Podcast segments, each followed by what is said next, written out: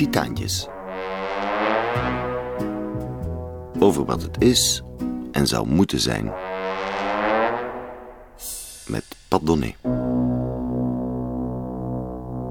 De tijd is een sluwe speler. Hij wint altijd. Hij bepaalt of je in zijn gratie valt of net niet.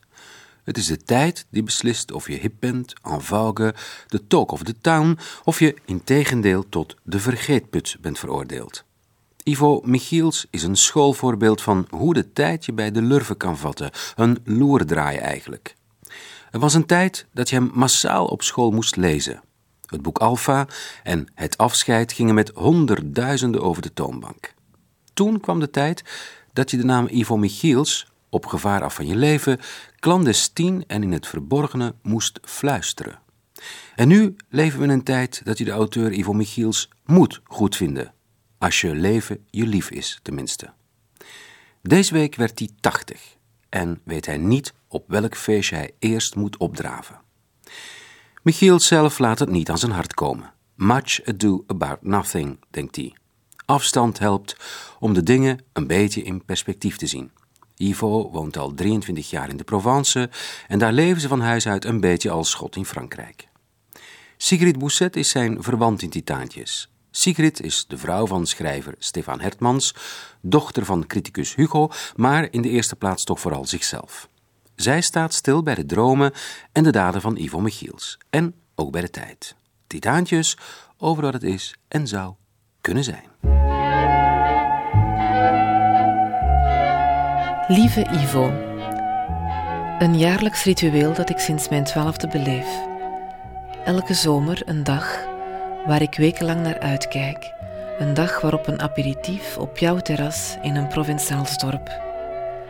De belletjes aan de terrasdeur die mijn komst aankondigen, de poezen die opschrikken uit hun namiddagslaap, Christian die vol verwachting verschijnt, klaar om uitgebreid te knuffelen en te kussen, en tenslotte jij die van je zoldertrapje komt, aangekondigd door een kreet of een lach die door het stille dorp weer klinkt.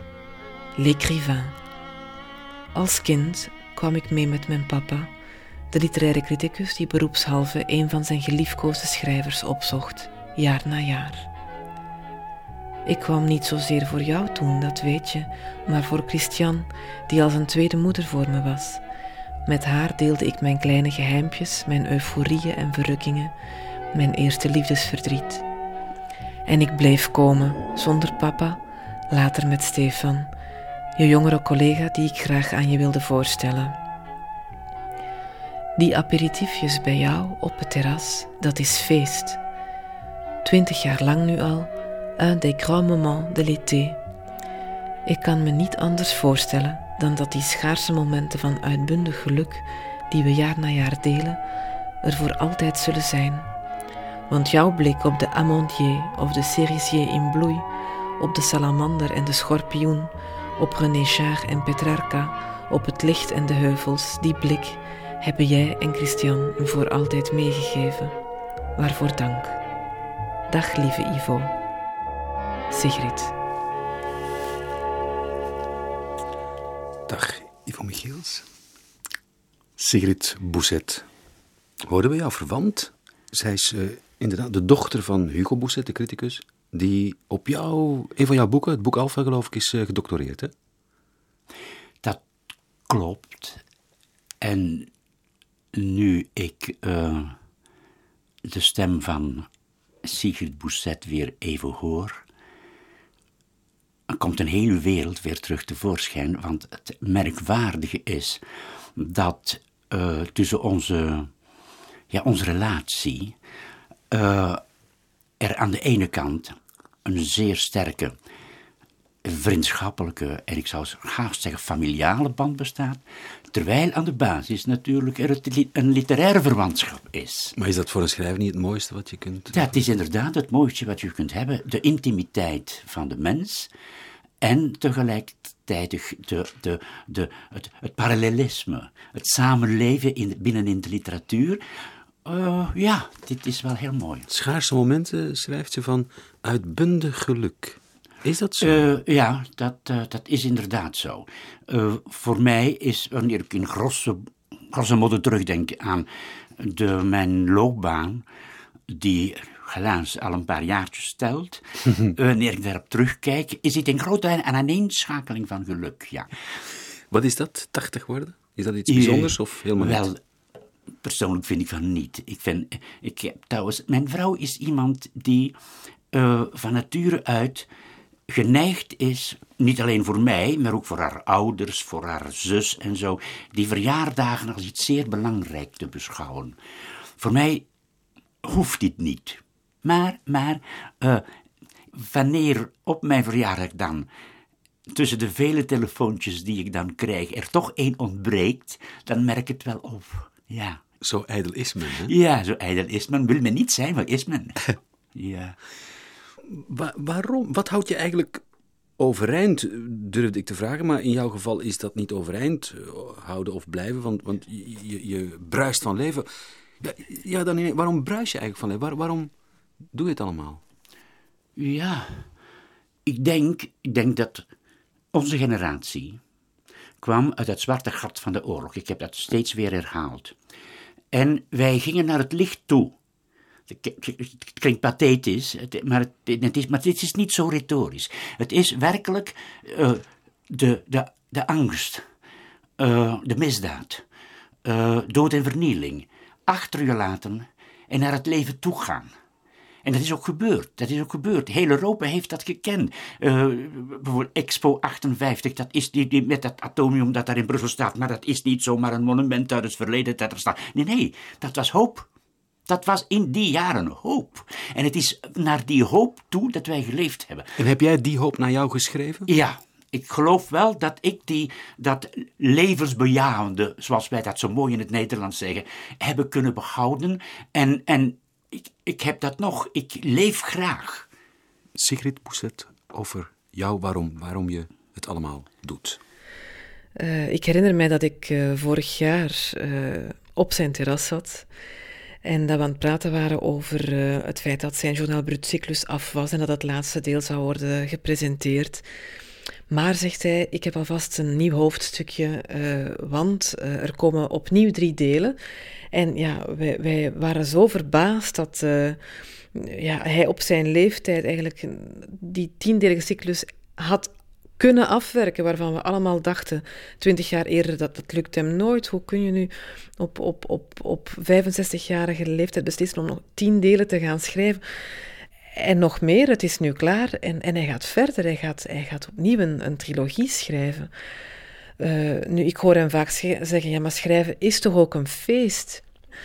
Eh, in elk geval is het zo dat eh, toen ik hem nog niet kende, omdat ik nog veel te klein was, eh, in de jaren 60 en 70, eh, maar dat weet ik dan wel uit interviews die ik met hem zag en zo verder, was schrijven duidelijk niet zo'n feest voor hem. Was schrijven zich bevrijden en verwerken van, van het verleden. Hij heeft natuurlijk de oorlog meegemaakt. Eh, hij, heeft, eh, hij heeft daar een aantal eh, complexe ervaringen op gedaan. Maar omdat het steeds gepaard gaat met een, eh, een zoektocht in vormen, een heel geslaagde zoektocht in vormvernieuwing, eh, zou ik het nooit eh, louter therapeutisch schrijven noemen. Schrijven is een feest, Ivo Michiels, zegt Sigrid Bousset. Ja, maar ze voegt er toch wel aan toe dat dit blijkbaar niet altijd zo geweest is.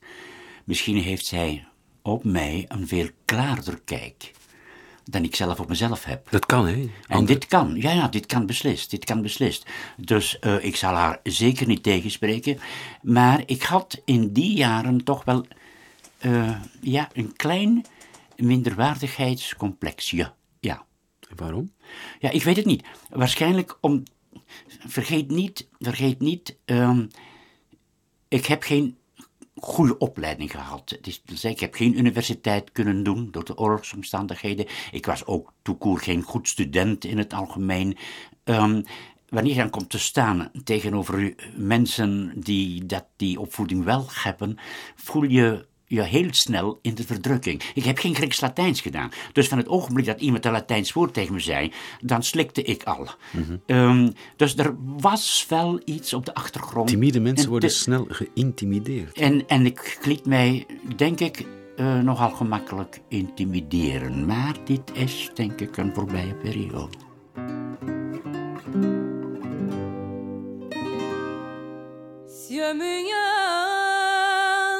Fechada se pudesse mostrar o que eu sofro calada, se pudesse contar, toda a gente veria quanto sou desgraçada quanto finjo alegria, quanto choro a cantar.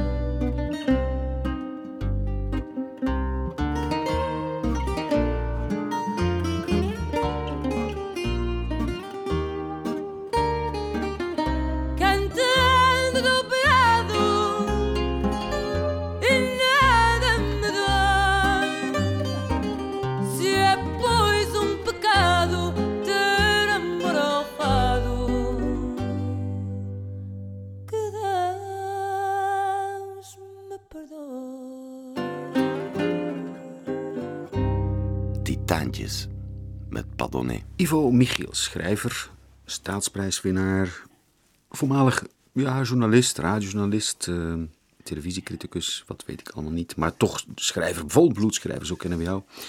Ik leg een citaat voor van ehm, Friedrich Nietzsche. Heb je iets met Friedrich Nietzsche?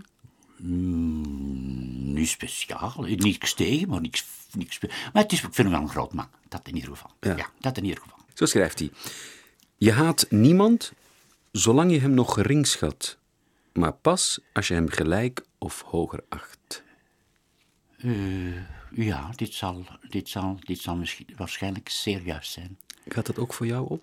Eh, ja, ik, eh, ik ben een beetje beducht om daar rond allemaal grote woorden te gebruiken. Ik eh, doe het een beetje kalmer aan en ik mag wat ik wel ervaren heb. Eh, en daarmee wil ik niet met de steen werpen hoor. Maar dat is aan de ene kant van je tijdgenoten. Moet je nooit wat verwachten. Heerlijk. Ja, dit, dit zijn concurrenten. Nee, men, men is zich het niet bewust. Hè? Men is zich het niet bewust, maar ieder schrijft, schrijft of werkt van zijn, uit zijn persoonlijke optiek, wil zich bevestigen. Dus van je tijdgenoten moet je niet veel verwachten. En dan de generatie daarop moet je ook niet veel verwachten. Want dan ben je, behoor je tot de vermaledijde vaders. Juist. Die moeten vermoord worden. Die moeten vermoord worden. Dus daar, daar gaat het ook niet heel goed mee. Maar dan komt die tweede generatie daarachter. Bijvoorbeeld waartoe Sigurd Bousset behoort. Ja. En die staat met een veel openere blik, met een veel opener hart en met een veel opener hersenwerk tegenover datgene wat je bent. En dat is wat je nu overkomt. Hè? En dat het lijkt alsof je nu pas Ja. helemaal doorbreekt. En Dat maakt mij vandaag zo gelukkig. er is natuurlijk al vaak geroepen, het is een huishoge eh, gemeenplaats geworden. Ivo Michiels is moeilijk, is onleesbaar. Wij gewone mensen kunnen Ivo Michiels niet lezen.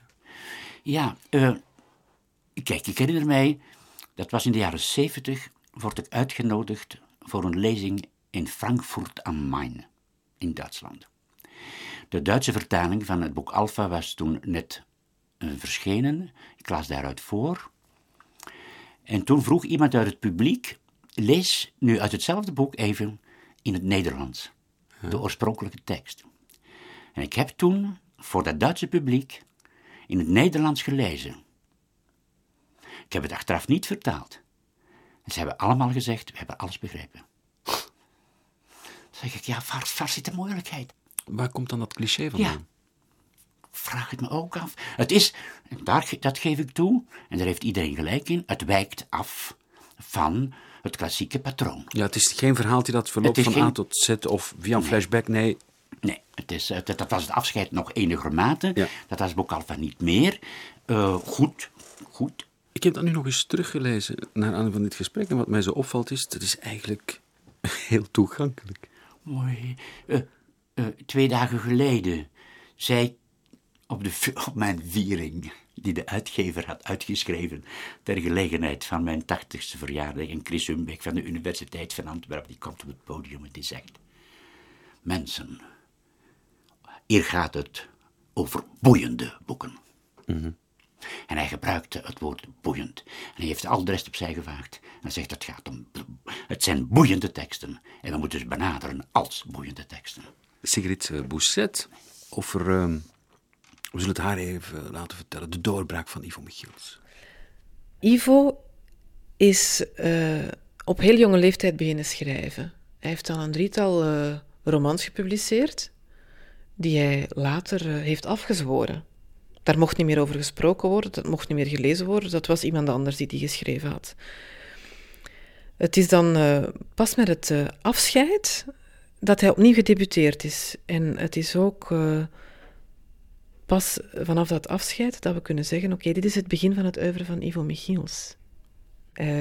Terwijl het boek Alpha was uiteraard weer een stapje verder in die doorbraak, maar was veel meer gecontesteerd ook. Dus daar had je meteen voor- en tegenstanders. En eigenlijk is het altijd zo gebleven bij Ivo. Hij heeft daar zelf ook een, eh, een ambiguë houding tegenover. Eh, hij wil eigenlijk ook wel afwijkend blijven, denk ik. Eh, maar tegelijk wil hij toch ook aanvaard worden door iedereen. Het is volgens mij heel ambigu. Sigrid Bousset, over jouw ambiguïteit, Ivo Michiels. Je wil toch ook, eigenlijk zegt ze, lief gevonden worden door het publiek van jou. Ze heeft gelijk. Maar dit vind ik een heel normale houding. Aan de ene kant ehm, heb ik de neiging om mijn armen breed uit te spreiden en iedereen vriend te noemen. Wanneer ik, ik heb bijvoorbeeld geen erg intieme relatie met bijvoorbeeld Hugo Claus, die eh, een groot deel van het jaar mijn buur is Ja, daar in, eh, in de Provence. in de inderdaad. Provence. Wanneer wij op de straat elkaar ontmoeten, dan vliegen wij elkaar om de hals. Eh, hij spreidt zijn armen en ik spreid de mijne. En dit vind ik heerlijk. Dat is mensen omarmen. En dat omarmen, dat heb ik altijd graag gehad. En ik heb altijd graag gehad dat lezers naar mij toe kwamen. Maar eh, wat ik er tegelijkertijd moet aan toevoegen, en dat denk ik een eerlijke houding te zijn van de schrijver tegenover zichzelf, dat is, eh, het, ja, nu moet ik een beetje cru worden, eh, niet ik moet op mijn papier de stap naar de lezer toe doen, de lezer moet al lezend de stap naar mij toe doen.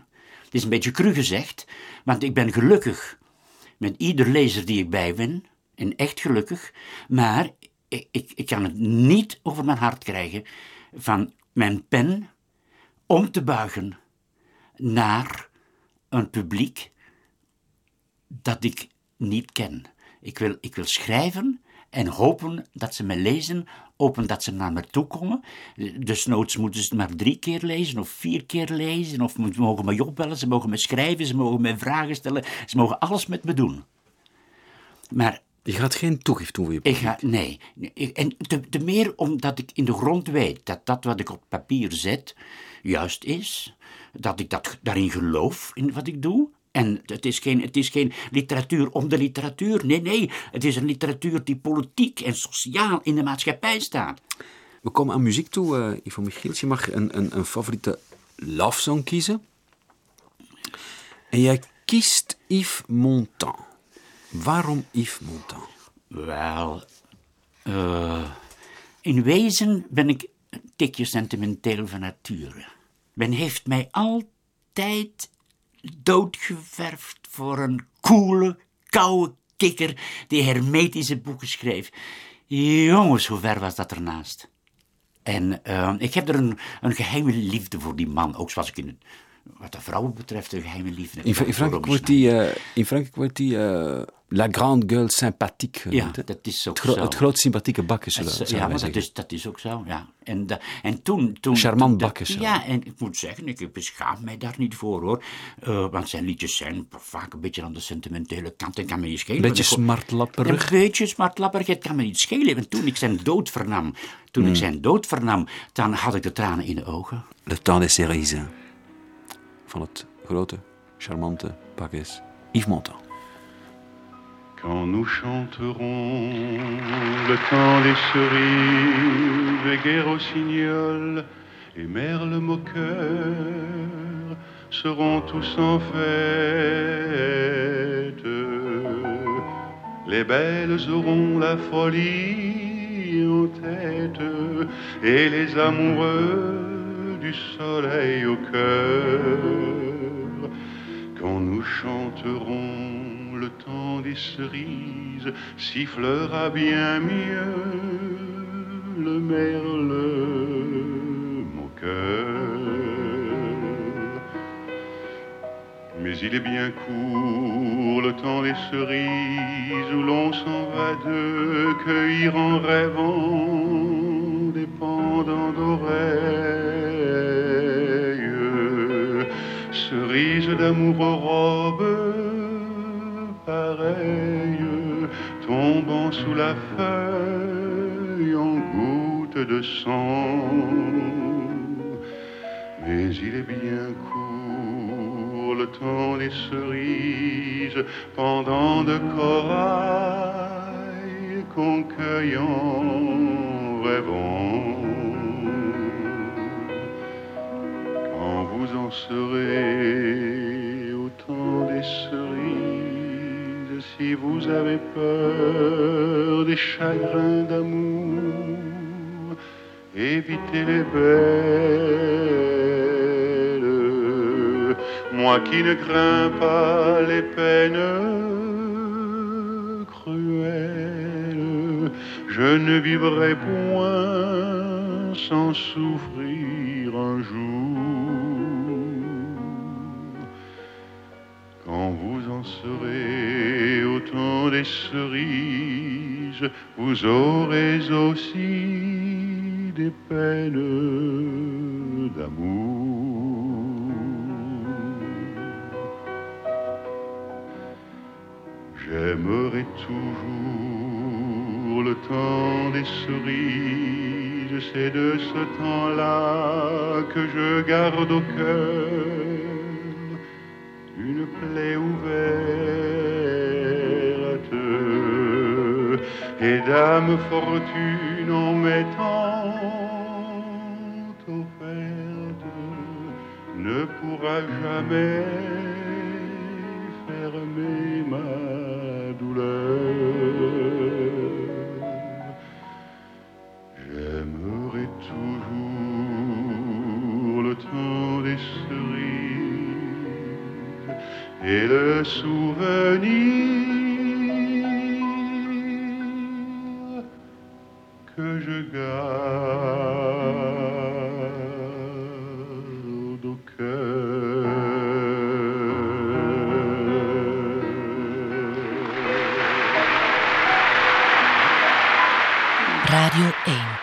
Uitbundig applaus voor Yves Montand in Le Temps des Séries.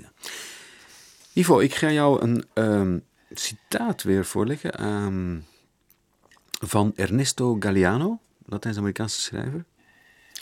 Ik zeg niet dat hij met jou verwant is, maar hij heeft een aantal eh, hele mooie ehm, stukken in zijn dagboeken-serie geschreven over eh, oud worden.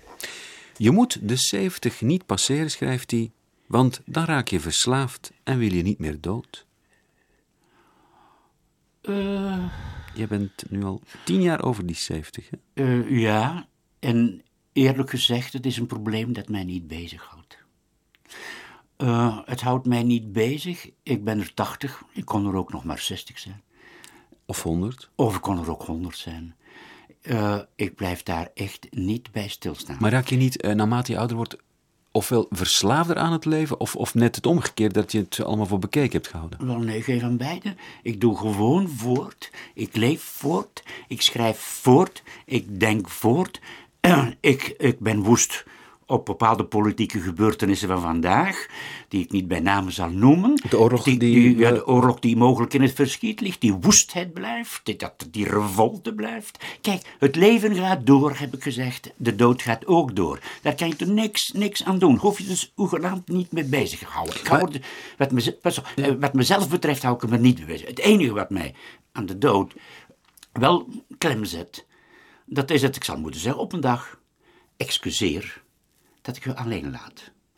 Die oorlog, die oorlog, die komt toch altijd maar terug. Ja, gek is dat men nu vandaag nog, zegt men, in de, zelfs diegenen die stukken schrijven over mij vol liefdadigheid, die zeggen, hij kan maar geen afscheid nemen van die oorlog. Is- Misschien is dat toch wel zo? Nee, weet je dat mijn laatste boek, dat echt over de oorlog gaat, 35 jaar geleden geschreven is? En in die 35 jaar heb ik de oorlog praktisch niet meer aangeraakt. Ja, maar het is ook wel een fascinerend verhaal. Hè? U, u, u, u vlucht, geloof ik. Jij vlucht. Ja. Heer, dit moet ik toch Ja. jij. In 1940 naar Frankrijk. Maar dan word je opgepakt en je wordt in eh, Duitsland te werk gesteld. Ja, en daar kom ik terecht, weer door een gelukkig toeval. Eh, ik moest eh, me melden op de commandatour. Men vroeg, eh, heb jij een, een beroep? En ik zei, ik ben verpleger, wat helemaal niet waar was. Ik had een hoog uit een cursus van het Rode Kruis gevolgd. Ik kon ook een knieverbandje leggen. Dat was alles. En zeggen, ja, wij hebben verplegers nodig in Duitsland. En in plaats van in een lager terecht te komen, in de mijnen terecht te komen, word ik doorgespeeld naar een hospitaal. En in dat hospitaal word ik ingezet in de operatiezaal. Als assistent chirurg. Eh, als assistent, ja. Dus eh, er wordt een, moet een been geamputeerd worden. Dan houd ik dat been vast. De operateur zaagt dat been over. Dat, wanneer het over is gezaagd, wikkel ik dat in pakpapier en ik werp het in de vuilbak. Dat was zo, Zo ging dat? Zo ging dat, ja. Zo ging dat. maar dan raakt jouw toenmalige vrouw zwanger. ja, Je mocht haar enkel komen bezoeken als je daarvoor iets in de plaats deed. Ja, het is te zeggen, ehm, men vroeg dus of ik wilde terugkeren naar België om daar de bevalling van mijn vrouw, die in levensgevaar verkeerde, te mogen bijwonen. En gezien de oorlogssituatie zeer slecht evolueerde voor de vijand, eh, werd mij dus dit niet toegestaan. Tenzij ik bepaalde concessies zou doen tegenover dat, eh, god ja, dat, eh, dat, dat Duits eh, geval. En concessies, mag ik het zeggen, betekende dan dat je naar het oostfront zou gaan? ja, maar dat heb ik dus kunnen klaarspelen, dat dit niet gebeurde, want zie mij, zie mij daar staan. dus ik, ik, ik heb gewoon gevraagd, stuur mij naar Antwerpen. En men heeft mij naar Antwerpen gestuurd. En daar ben ik onmiddellijk ondergedoken. En ik heb daar de bevrijding afgewacht als ondergedokene. Maar nu, ga ik even op de man afvragen. Hè? En ik ben een kind van lang na de oorlog. Ja, Maar je, je, je wordt dus voor die keuze gesteld, je vrouw is zwanger. Dat is natuurlijk een heel ingrijpende eh, gebeurtenis in je Ja. leven. En kijk, we helpen jou, Ivo Michiels. ja. Maar dan moet je wel voor ons komen werken. Is er geen moment in je hoofd geweest dat je hebt gedacht, oké, ik doe het. Ik collaboreer.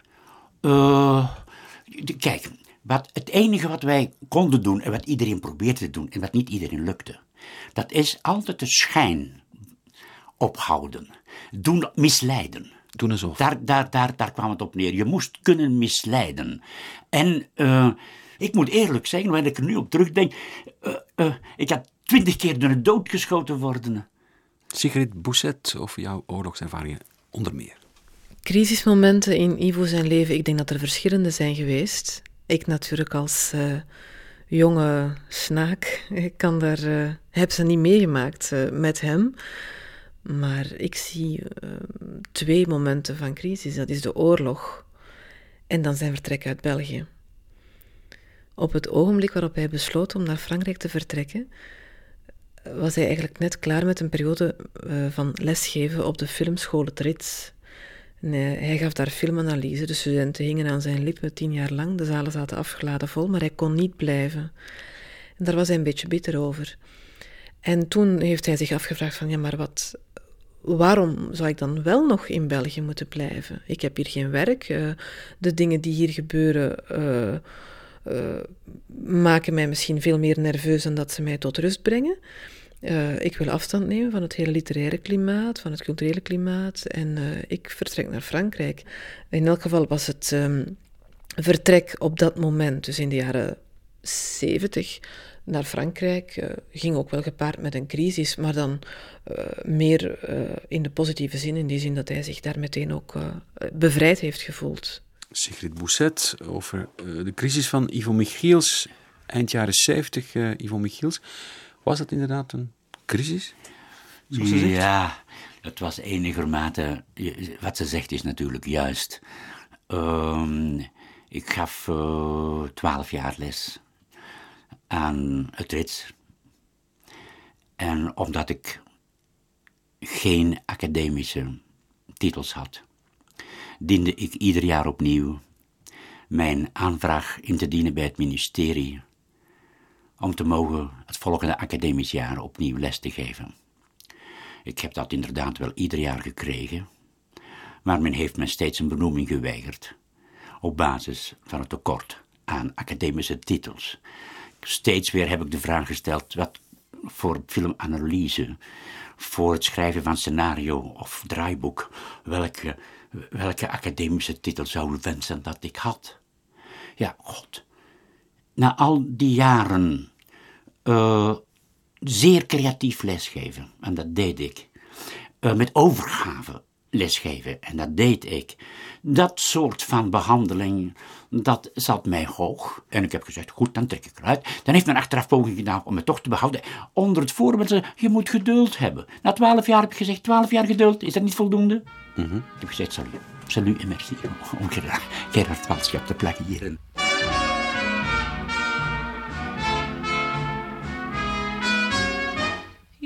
Better go now because I like you much too much.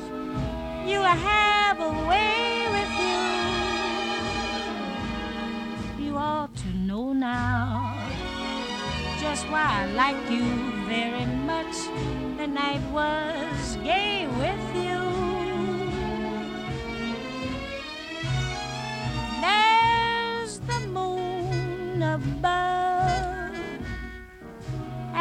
Gives my heart a lot of swing.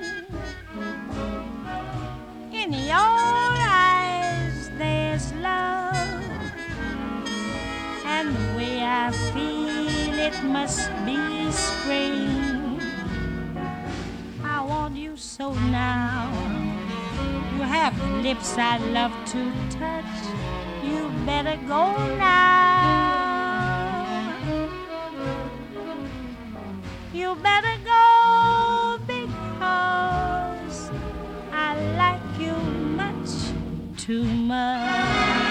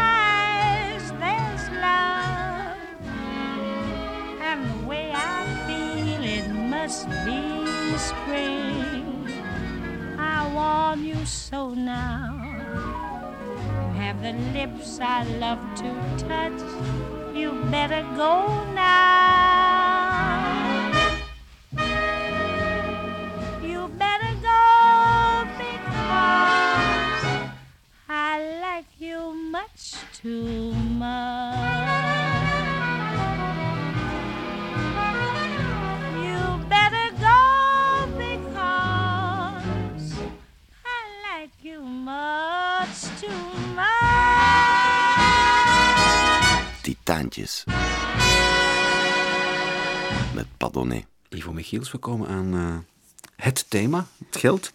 Heb jij nog altijd auteursrechten van je goedlopende boeken? Mm, het is eh, zeer bescheiden. Het is zeer bescheiden. Eh, ik moet zeggen dat ik in de eerste plaats mijn uitgever dankbaar ben dat hij het uitgeeft. Oh. Want hij, hij doet daar geen goede zaak aan. Het is altijd wel zo berekend, denk ik, dat hij er niks aan verliest. Dat niet. Maar ehm, ik ben hem zeer dankbaar, want het, eh, eh, hij doet ontzettend veel voor mij. En ik krijg uiteraard mijn auteursrechten, zeker. Ik krijg mijn voorschotten, zeker. Eh, maar dan ga je niet echt eh, van maar daar kan je in Frankrijk dat, eh, leven. Laat nee. staan als schot in Ik kan- Frankrijk. kan- Ik kan, alleen dus bijpassen. Dus, hè. dus, en het pensioen en eh, de auteursrechten en die twee samen, die eh, maken het mogelijk. Ja. Maar eh, st- stel dat je nu alleen maar schrijver was geweest. Onmogelijk om met rond te komen? Wel, dat was een gok. Toen ik in 1979, 1980 verhuisde, stonden nog twee boeken van mij op de verplichte schoollijst. En dat bracht natuurlijk wel geld op, want dat was... Was dan het boek Alpha en het afscheid. Ja, het afscheid en het boek Alpha. En die verplichte schoollijst eh, was in die tijd lucratief.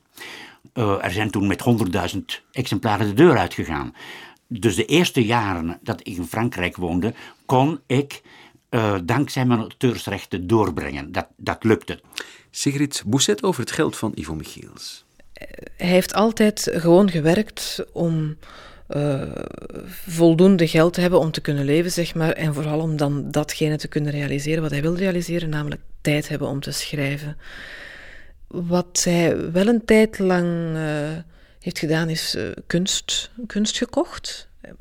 Kunstwerk ook gekregen van bevriende kunstenaars. En op het moment dat hij dan besloot om naar Frankrijk te vertrekken, ja, had hij eigenlijk, eh, eh, moest hij daar wel van zijn pen beginnen leven, want in Frankrijk zou hij geen job meer hebben. En op dat moment heeft hij verschillende van die schilderijen verkocht, om dan eh, een eenvoudig huis in de Provence te kunnen kopen. En dan is hij dus daar gaan wonen, maar zonder een vast inkomen. Maar het was zo belangrijk voor hem om, om daar naartoe te kunnen gaan. En eh, ja, als je het dan hebt over drijfveren, daar moet dan alles maar gewoon eh, voor eh, worden aangepast. En, en dan is het, eh, het vinden van eh, rust en, en licht eh, eh, en afzondering veel belangrijker dan, eh, dan het materiële. Sigrid Bousset, Ivo Michiels, je hebt kunstwerkjes verkocht en daarmee kon je in Frankrijk gaan leven. Ja. Wat voor soort kunstwerkjes waren het? Wel, Een Picasso? ik had eerstens, dankzij mijn journalistieke werk, daar is het begonnen, eh, zeer veel contacten met plastische kunstenaars. Eh, Na de journalistiek is dat blijven doorgaan. Ik heb met schilderijen onder mijn arm door Antwerpen gelopen. En ik kreeg ze aan de duivel niet kwijt, want ik had daar een percentje op, indien ik dit kon verkopen. Ik kreeg ze aan de duivel niet kwijt. En diezelfde schilderijen zijn later miljoen, nu nog miljoenen en miljoenen euro's waard.